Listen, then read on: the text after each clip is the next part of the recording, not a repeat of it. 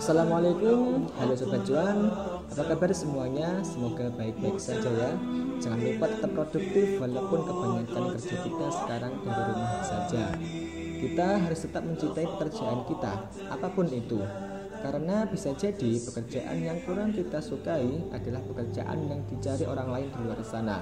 Jadi apa pun itu kita harus banyak bersyukur atas kondisi kita sekarang. Juga buat teman-teman kita mahasiswa tetap semangat dan jangan lupa untuk terus mengembangkan skill kalian. Karena saat diri kalian sudah siap insya Allah akan dipermudah jalan menuju kesuksesan. Baik itu prolognya ya. Saya sebagai mahasiswa saya juga pernah merasakan di posisi itu. Kita pasti menggebu-gebu untuk cari cuan mulai dari bangun bisnis dan juga investasi Terutama dalam hal investasi, banyak kesalahan yang diperbuat karena mungkin kurang pengalaman ya atau mereka menganggap investasi sebagai tempat pesugihan. Yang pertama karena mungkin mereka tidak memperhatikan portofolio. Jadi portofolio ini bisa kita maknai sebagai catatan penting yang harus diperhatikan dan dimonitor secara berkala oleh para investor.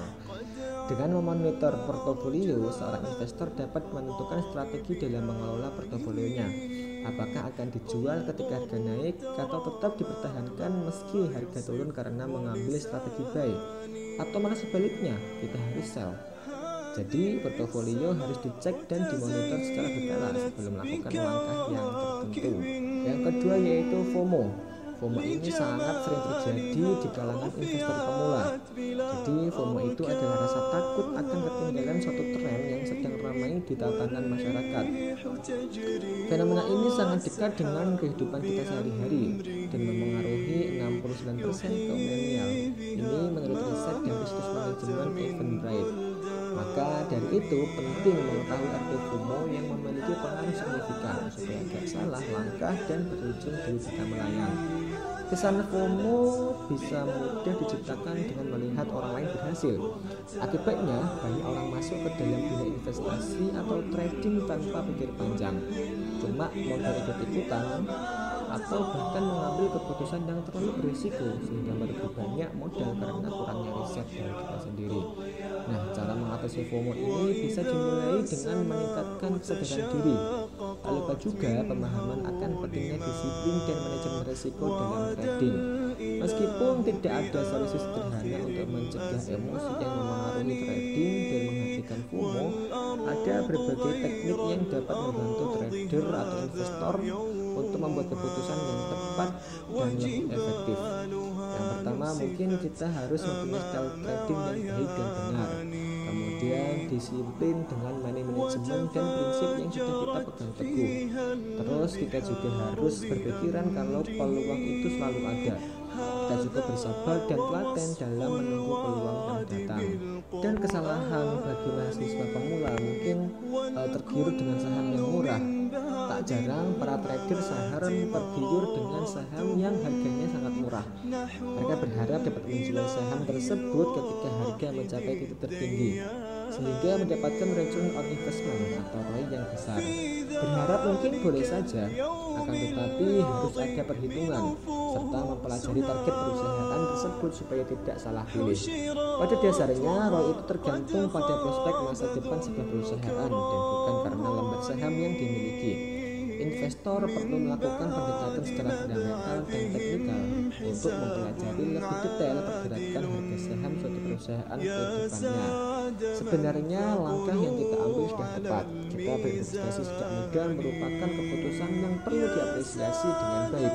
Hanya saja kita perlu pengalaman dan ilmu yang cukup saja. Caranya bagaimana? Ya, janganlah untuk belajar dan terus mencoba. Ada banyak keuntungan sih saat kita berinvestasi sejak muda. Salah satunya kita akan punya pemasukan lebih. Investasi bisa menjadi pilihan tepat untuk menambah penghasilan. Apalagi mahasiswa seperti kita-kita ini pasti mau dong punya uang jajan tambahan.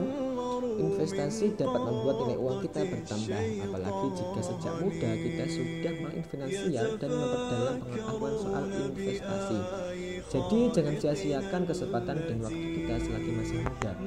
Kita bisa memilih investasi yang tepat yang dapat menambah penghasilan kita dengan waktu yang lebih panjang. Keuntungan yang kedua, kita akan terhindar dari sikap boros. Jika teman-teman sudah mulai soal investasi sejak dini, keinginan untuk konsumtif dan boros akan semakin kecil.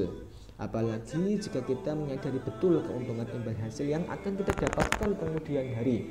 Pastinya untuk mempersiapkan masa depan finansial yang lebih baik. Nah, dengan berinvestasi kita akan lebih cermat juga dalam mengatur keuangan serta mengarahkan pengeluaran hanya untuk pengeluaran yang bersifat kebutuhan, bukan sekedar keinginan semata. Kemudian keuntungan yang ketiga, kita akan memiliki dana darurat. Nah, dalam teori mengukur keuangan yang sehat, dana darurat adalah kondisi awal yang harus dimiliki, terutama bagi investor. Mengapa demikian? Karena dana darurat ini merupakan dana yang akan dipakai sewaktu-waktu ketika hal-hal genting terjadi, sehingga tidak mengganggu dana investasi yang sudah kita tabung. Bayangkan jika kita tidak memiliki dana darurat, namun sudah mulai berinvestasi, ada banyak pengalaman investor yang harus mengambil dana mereka, bahkan meskipun cut loss alias rugi, hanya demi membiayai keperluan pribadi atau keluarga yang bersifat darurat. Kita bisa membangun dana darurat dari sekarang, bisa juga melalui investasi. Kalian bisa beli investasi yang aman, liquid, dan mudah dicarikan kapan saja. Salah satu contoh investasi yang bisa kita pilih untuk menabung dana darurat adalah investasi emas. Alasan dan keuntungan mengapa kita harus menyiapkan dana darurat bisa teman-teman cek pada podcast kita sebelumnya ya, sebelum podcast kita ini. Kemudian keuntungan selanjutnya saat kita bisa mandiri secara finansial. Kemudian keuntungan selanjutnya yaitu kita bisa mandiri secara finansial. Nah, salah satu keuntungan yang kita bisa dapatkan dalam berinvestasi adalah mandiri dalam hal finansial kita tidak akan lagi bergantung pada orang lain, salah satunya kepada orang tua kita. Bahkan sejak muda kita bisa berbakti kepada orang tua dengan membantu beban finansial mereka. Apalagi buat teman-teman yang saat ini merupakan generasi sandwich. Perlu banget nih kita merencanakan keuangan dengan baik, salah satunya dengan berinvestasi. Kemudian keuntungan yang terakhir adalah kita bisa mempersiapkan masa depan lebih baik. Sudah banyak investor yang merangkak dari nol dalam membangun portofolio mereka. Investasi memang bukti nyata kendaraan sukses untuk membangun masa depan finansial yang lebih baik. Masa depan finansial pun akan lebih baik jika sedini mungkin kita, kalian, memulai untuk belajar investasi Hal ini bisa kita rasakan bukan dalam waktu satu atau dua tahun setelah berinvestasi.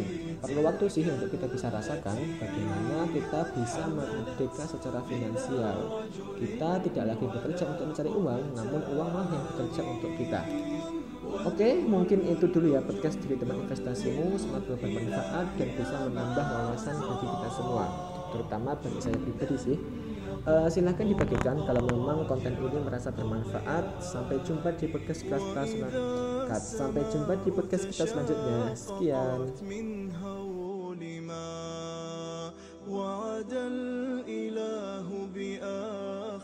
نسفت أمام عياني